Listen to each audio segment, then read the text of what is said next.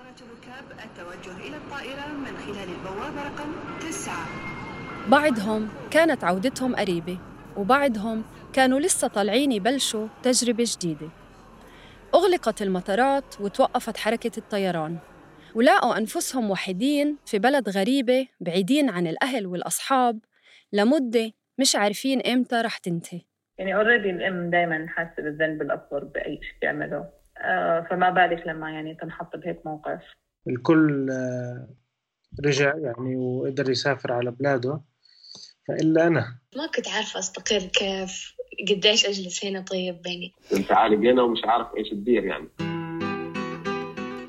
صلاح من ليبيا منى من الأردن زيد من فلسطين وسندس من السعودية. أربع شبان وشابات عم بيستنوا الفرصة للعودة إلى بيوتهم وأوطانهم في ظل الأزمة العالمية الحالية. مرحبا أنا عبير قبطي وهي حلقة جديدة من بودكاست المستجد من صوت. شهر آذار مارس كان بداية فرصة عمل جديدة لمنى الخطيب خارج الأردن. في أواخر شباط فبراير انتقلت لقطر. وسبقت باقي أفراد عائلتها للعمل على إجراءات الإقامة. كان ال- ال- التخطيط إنه أنا رح آجي هون عبال ما تطلع لي الإقامة القطرية بطلع لأولادي إقاماتهم لأنه مش دغري يعني بيطلعوا سوا لازم أطلع أنا أول شيء إقامة إلي وبعدين أطلع لهم إقاماتهم. فضلوا في الأردن على أساس يلحقوا يعني بخلال آم، أسبوعين لثلاث أسابيع بالكثير. آم، لكن يعني صار اللي صار. وتقطعت من السبل. يعني أولادي ضلهم في بيتنا في عمان عند باباهم. منى أم لطفلين الأول تميم وعمره خمس سنوات والتانية بتول وعمرها ثلاث سنوات. بعدها عنهم لهاي المدة اللي مش معروف متى حتنتهي ما كان في الحسبان. تسارع الأحداث والإغلاقات ما أعطاها مجال تفكر كتير وتقرر ما بين البقاء في وظيفتها وبين العودة لأسرتها في الأردن. اللي صار إنه يعني لما حكوا إنه خلينا من الطيران إنه يعني الحدود حتتسكر ويعني خلص الطيران حيوقف. يعني كنت أحكي مع أمي تقول لي لا يا ماما ما ترجعي هلا إيش بدك ترجعي؟ شو بدك تعملي؟ هيك هيك حترجعي مش حتدخلي على البلد على طول. ف يعني جيتك وقلتها واحد فما بتقول لي ما أرجع. مثلا أحكي كمان مرة مع أكرم يقول لي نفس الشيء إنه خلص لا ترجعي شو في داعي ترجعي. هينا كنا مناح والأولاد في بيتهم ما في شيء ف يعني قلت خلص okay ما رح نرجع ما رح نرجع. بس بعدين الصراحة يعني كثير يعني ندمت إنه أنا ما حجزت يعني بهاليومين اللي أعطونا إياهم. يعني, يعني already الأم دائما حاسة بالذنب الأكبر بأي شيء بيعمله. آه، فما بالك لما يعني تنحط بهيك موقف. منى بعيدة عن عائلتها من أكثر من شهر. وقبل أيام صادف عيد ميلاد ابنها تميم اللي احتفلت فيه على شاشة الموبايل. أنا بعرف إنه أنت امبارح احتفلتي بعيد ابنك تميم صح؟ كي- كيف احتفلتي في عيده؟ ميلاد مميز احكي لنا كيف احتفلتي بعيده والله أكرم زوجي عمل له كيك هيك في البيت وشبكنا كلنا على الديو أنا و... ودار سيدو يعني دار أهله لأكرم ودار أهلي يعني التيتات من كل ال... من الناحيتين وأنا وهم كانوا على ال... على البث المباشر واحتفلنا سوا غنينا له. وطفي شمعة وشفناهم بياكلوا الكيك. سارة حلوة يا تميم. سارة حلوة يا تميم. يلا غرفة غرفة البعد عن عائلتها وأولادها خلى منى تعيد التفكير بقرارها للانتقال للعمل خارج بلدها. للأسف الواحد ما بيملك إلا إنه يعني من غير أهله من غير أصحابه من غير الجو هذا ما حدا بيقدر يعيش يعني. فيعني خطتي أنا إنه أرجع بس يعني ما يعني زي حال كل إشي بهالفترة ما فيش إشي أكيد بس يعني بخطة إني أرجع إن شاء الله.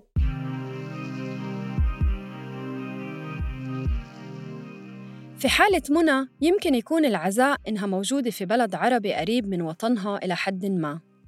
ولما ترجع حركة الطيران احتمال عودتها ممكن يكون أسهل وأسرع بس كيف لو العالق بعيد عن وطنه مسافة 14 ساعة سفر؟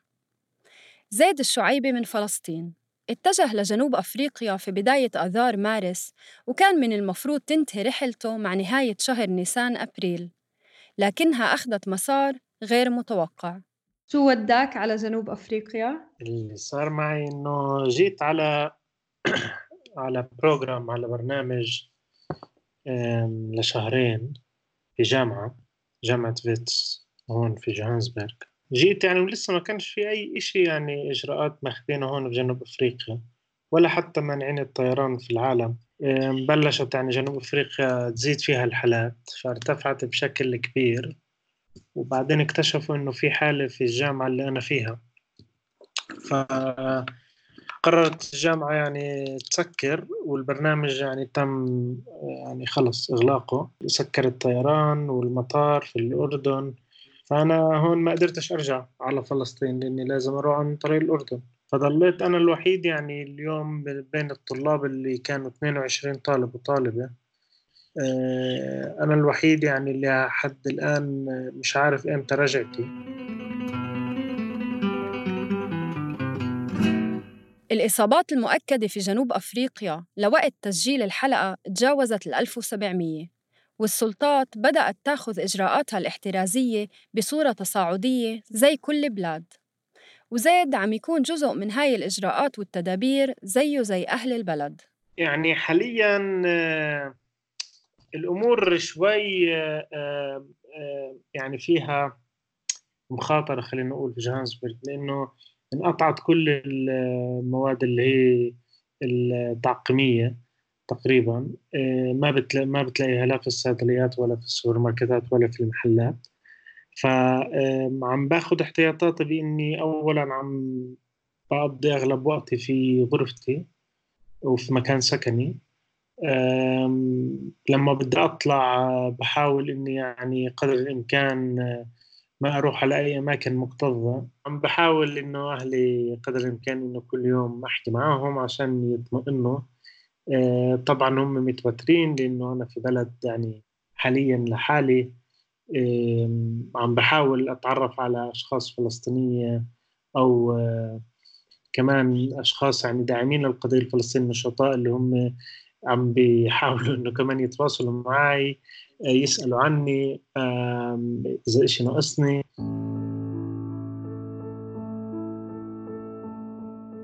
يمكن زيد مش محظوظ كتير. كونه عالق في بلد بعيد إمكانية العودة منه إلى فلسطين تبدو صعبة جداً في المرحلة الحالية. بينما الوضع قد يكون مبشر بالنسبة لسندس الصادق الطالبة السعودية العالقة في فرنسا. آخر شيء قالوا لنا ممكن نرجع في خلال كم يوم. بس لسه ما في معلومات عن رحلة ولا شيء. فدحين حاولت أستقر هنا لو أجلس هنا وجاهزة لو أرجع. سندس بدأت دراستها في باريس مع بدايات 2020 الحالي. يفترض أنه برنامجها يستمر لسنة وشهرين. بأواخر شهر آذار مارس كان موعد إجازتها وكانت حاجزة تذكرة لزيارة أهلها في جدة. لكن تفاقم الأوضاع وإيقاف حركة التعليم في فرنسا والإغلاقات غيرت كل الخطة. كان يعني ممكن مثلا أنا أجي على الأردن بعدين من الأردن للسعودية فيحبسوني في الأردن حجر صحي. فبعدين ما لقيت طيارة. بعدين فرنسا سوت lockdown بس قبل ما فرنسا تعمل lockdown السعودية قفلت المطار حقها. مم. كله طيب كده في يومين صار. شو حسيتي؟ ما ما أعرف ما كنت عارفة أستقر كيف. قديش أجلس هنا طيب؟ يعني دراستي المفروض تبدأ بعد شهر. حتبدأ بعد شهر ولا حتتمدد lockdown طب يعني إيش رمضان بعد شهر؟ حسوي يعني الإجازة اللي حتطول زيادة شهرين ولا خلاص حنبدأ دوامات؟ طب أستقر؟ طب أروح أشتري أشياء من السوبرماركت ولا لا؟ زي كذا ماني عارفة إيش أسوي. بالآخر طبقت شنطة السفر. لو في أي دقيقة قالوا لنا نسافر أنا جاهزة. تقريباً بالفترة نفسها كان صلاح البطي من ليبيا على وشك ينهي فصله الدراسي في مالطا القريبة جداً على ليبيا قبل ما تنقطع الرحلات بينها وبين العاصمة طرابلس. خيارات العودة كانت محصورة إما بالسفر لتونس وبعدها عبور الحدود البرية مع ليبيا أو حجز تذكرة لإسطنبول والعودة جواً إلى طرابلس. دخلت المطار السبت بالليل يعني كانت الساعة 7 خبرتني الخطوط التركية أن الرحلة اللي حاليا مفتوحة الآن ال counter اللي قدامي هذه آخر رحلة لتركيا وآخر رحلة أصلا من مالطا يعني. مالطا بعد ثلاث ساعات lockdown يعني. حتسكر نهائيا المطار. عندي كانوا نصف ساعة بس يعني. كنت نجري للمنزل بتاعي. جبت الأغراض بالكامل بتاعي ويا الله أنا آخر واحد كنت يعني سجلت بالرحلة. وخلاص صارت الرحلة وصلنا على اسطنبول. يعني بعد ما سكرت مالطا نهائيا. صلاح كان بيعرف إنه حتى احتمالية العودة جوا من إسطنبول إلى طرابلس كانت ضئيلة جدا ولكن الآمال كانت معلقة على جهود السفارة الليبية في تركيا. قالوا إنه ممكن السفارة والحكومة توفر خطوط يعني خاصة آه، للنقل الليبي، السفارة الليبية في اسطنبول موفرة يعني على إقامة وكذا كاملة. الليبيين اللي عالقين في اسطنبول ولكن ما زال مش واضح إنه هل كيف يعالجوا قضية الناس اللي عالقين زي برا يعني. آه، هل الموضوع عندهم بخطة يوم يومين شهر شهرين؟ مش معروف يعني ما مش واضح لوقت تسجيل المقابلة كان في ليبيا إصابة مؤكدة واحدة فقط بكورونا. الرقم كان مطمئن بالنسبة لصلاح ولكن المستقبل القريب كان بثير عنده بعض القلق. الفكرة أن في ليبيا آه، ما فيش حالات لفيروس كورونا بسبب الأوضاع اللي دايرة في ليبيا. فإحنا ما عندناش رحلات دولية كثير وكذا بشكل يعني إحنا عندنا سياح وكذا الفترة دي لو مثلا انتشر لا قدر الله فيروس في ليبيا حنكون الله يقدر عليهم يعني بشكل كبير لأنه صعب الوضع يعني. حتى حتى الرعاية الصحية في ليبيا ما هيش يعني بالمستوى اللي ممكن تقدر يعني تواجه فيه الوباء لو انتشر لا قدر الله.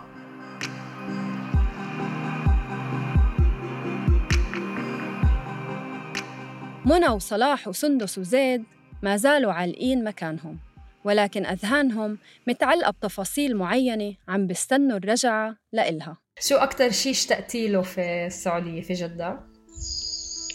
أكثر شيء اشتقت له في جدة؟ الأكل. أكل أكل أمك أكيد. أيوه. أكثر شيء حاليا والله مشتاق إن يعني نشوف أمي ونشوف العيلة. يمكن أكثر شيء اشتقت له هو مقلوبة أمي يعني. بعد الأرجيل بشتاق لهم لما يكونوا يعني هيك بعد ال... بعد ما يتحمموا كيف زي القصص بيجوا يحضنوا ماما ومش عارف كثير آه بس والله لأكرم. جوز يعني حرام كثير بسأله بالأيام الماضية ارتفعت عدد الإصابات في السعودية وفلسطين وليبيا والأردن وما في أفق بأنه الموضوع رح ينتهي قريباً. التباعد الاجتماعي مسؤولية صعبة في حياتنا اليومية. للعالقين في الخارج التباعد الاجتماعي بيعني عزلة فوق العزلة. بودكاست المستجد من إنتاج صوت. تأكدوا أنه تشتركوا بقناة المستجد على تطبيق البودكاست اللي بتسمعونا عليه. لتوصلكم الإشعارات عن الحلقات الجديدة. كنا معكم في الإعداد والتقديم عبير قبطي في الكتابة محمود الخواجة. في التحرير لما رباح في البحث كنزي محمود وروان نخلي وفي المونتاج تيسير قباني. كونوا بخير وعافية.